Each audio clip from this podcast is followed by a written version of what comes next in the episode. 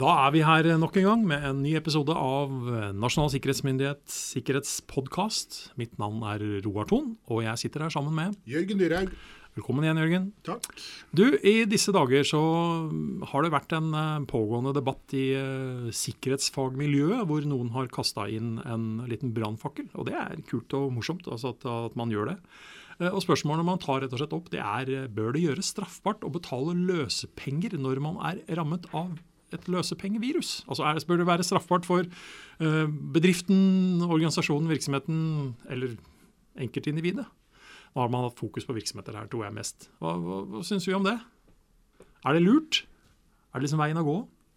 Jeg tror at det ville være å begynne helt motsatt ende av den problemrekken som da har ledet fram til at du har havnet i den situasjonen. Ja. Uh, skulle noe vært regulert ved lov her, så ville jeg sagt at det skulle vært lovpålagt å være i en situasjon hvor du ikke havnet i en situasjon hvor du ble rammet av løsepenger. Um, ja, det, for så vidt eh, helt umulig. Det er, ja, det er ganske utopisk. det er helt utopisk, ja. men jeg håper å si, rent logisk så ville man skulle ha begynt der.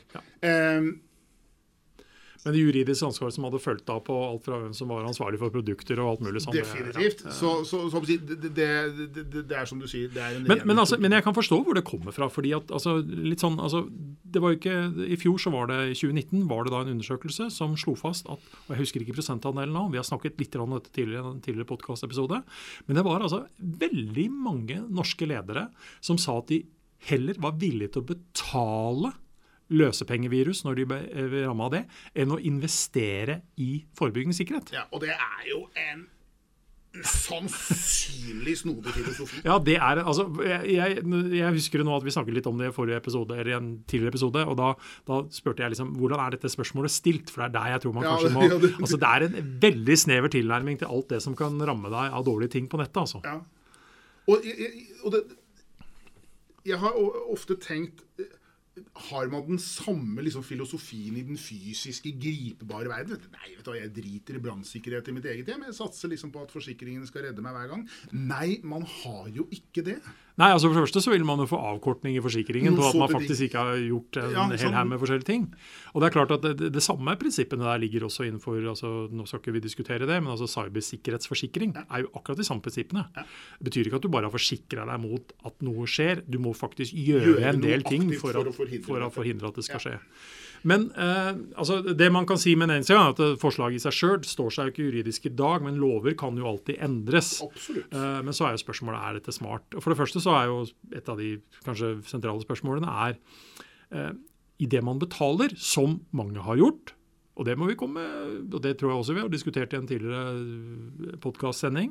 At det innimellom så forstår jeg det, den fortvilelsen man kanskje står med når man da Det, det kan være ja eneste alternative ja. løsning. Og så har jo presset økt i forhold til dette med å betale. fordi noen nye varianter av måten å drive løsepengevirus på, sett fra trusselaktørenes sine, er jo ikke da bare å sette dataene i arrest, men også faktisk da bruke nærmest bl.a. GDPR som en sånn bakgrunnstrusselbilde ved å si at hvis du ikke betaler, så eksponerer, så eksponerer, vi de dataene og gjør det kjent at vi nå har gjort dette her.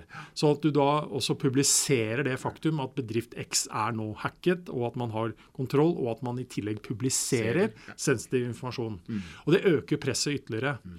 Men, men, poenget er jo da til syvende og sist at okay, du, du kan kanskje trolig betale deg ut fra det, men du har allikevel risikoen for at dette kommer til å bli kjent på en eller annen måte, og da mm. står du kanskje overfor andre ting igjen som kan være enda verre, i hvert fall i forhold til et sånn GDPR-perspektiv.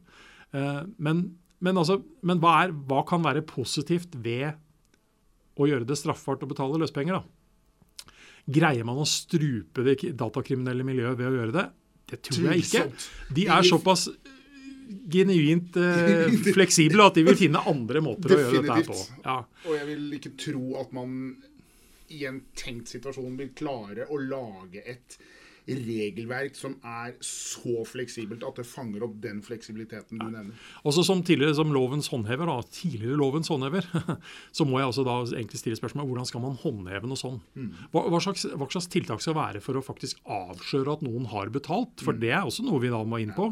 Eh, skal det bare være noen passive greier som dersom det viser at noen har gjort det på et eller annet tidspunkt, så skal man straffeforfølge dem? Eller skal man aktivt da faktisk da ha noen tiltak på plass som da avslører at man gjør det? Uh, så, og, og, Jeg kommer ikke bort fra at for meg så vil det være et enormt misbruk av ressurser for politi og påtalemyndighet for å skulle drive og etterforske dette, kontra faktisk å forsøke å irettegå de som faktisk har da skapt hendelsen. Mm.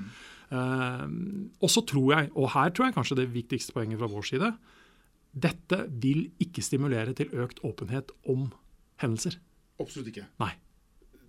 Altså Hvis det i tillegg var altså, ja. Du har hendelsen, ja. og vi valgte å betale. Mm. Eh, og vi vet at vi kommer, og, og straffes, vi kommer til å straffes for at vi har gjort ja. hva vi kan for å redde oss ut av en forferdelig situasjon. Nei, det, da, det, vil jo, ja. si, det, vil jo, motarbeide det vi da har pekt på som en av de desidert største utfordringene når det kommer til nettopp den åpenheten rundt dette. Snakke om at disse hendelsene nå er helt hverdagslige. Ja. Det, dette er hva skal jeg si, uh, vår tids uh, hverdagshendelser. Ja, altså, ok, det, det, er en rekke andre ting som kan ramme deg enn en, uh, løsepengevirus, for å bruke det begrepet. Og det er jo et veldig vidt begrep etter hvert på ulike varianter og måter å gjøre dette her på. Uh, men, men altså, vi kommer ikke bort ifra at uh, erkjennelsen av at vi har tatt bruk teknologi, det involverer det aller meste av det vi gjør i livene våre. Og det har positive ting, og det har negative ting ved seg. Men det må sikres og det bør sikres på en så god måte som mulig. Og det å faktisk forsøke å forhindre dette mest mulig at det faktisk skjer, eller være i stand til å håndtere det når det skjer, mm. er sannsynligvis det aller viktigste. I det store og hele så vil nok det ja. være mer bærekraftig ja. Eh, over langen der, der det enn å si, ja. sitte og vente på at du skal betale deg ut av dette. Ja. Eh, så litt tommel ned fra, fra oss. Ned fra oss Men samtidig, jeg forstår hvor det kommer fra. Forstår absolutt uh, altså utfordringen ved å stå for det. Men jeg heier nok ikke på det som tiltak som sådan. Men igjen, uh, cybersikkerhet er et ganske nytt fagfelt og område. Så, så, at man faktisk slenger inn en del sånne ja, rett og slett meninger, brannfakler mm. osv., syns jeg er noe som totalt sett sannsynligvis tar faget fremover. Så, ja, så det i seg sjøl er positivt. Ja. Det er en påstand, og så skal man jo da uh, forhåpentligvis kunne reflektere litt rundt det. Ja. Uh, og ikke vel, bare nikke og si det var klokt. Ja. Men er, er, nok ikke alt som lønner seg å gjøres eh, straffbart. Eh, det kan skape nok mer enn eh, problemer enn en det forbedrer ting. Så med det så vi, setter vi strek for denne episoden og sier takk for oss. Takk for oss.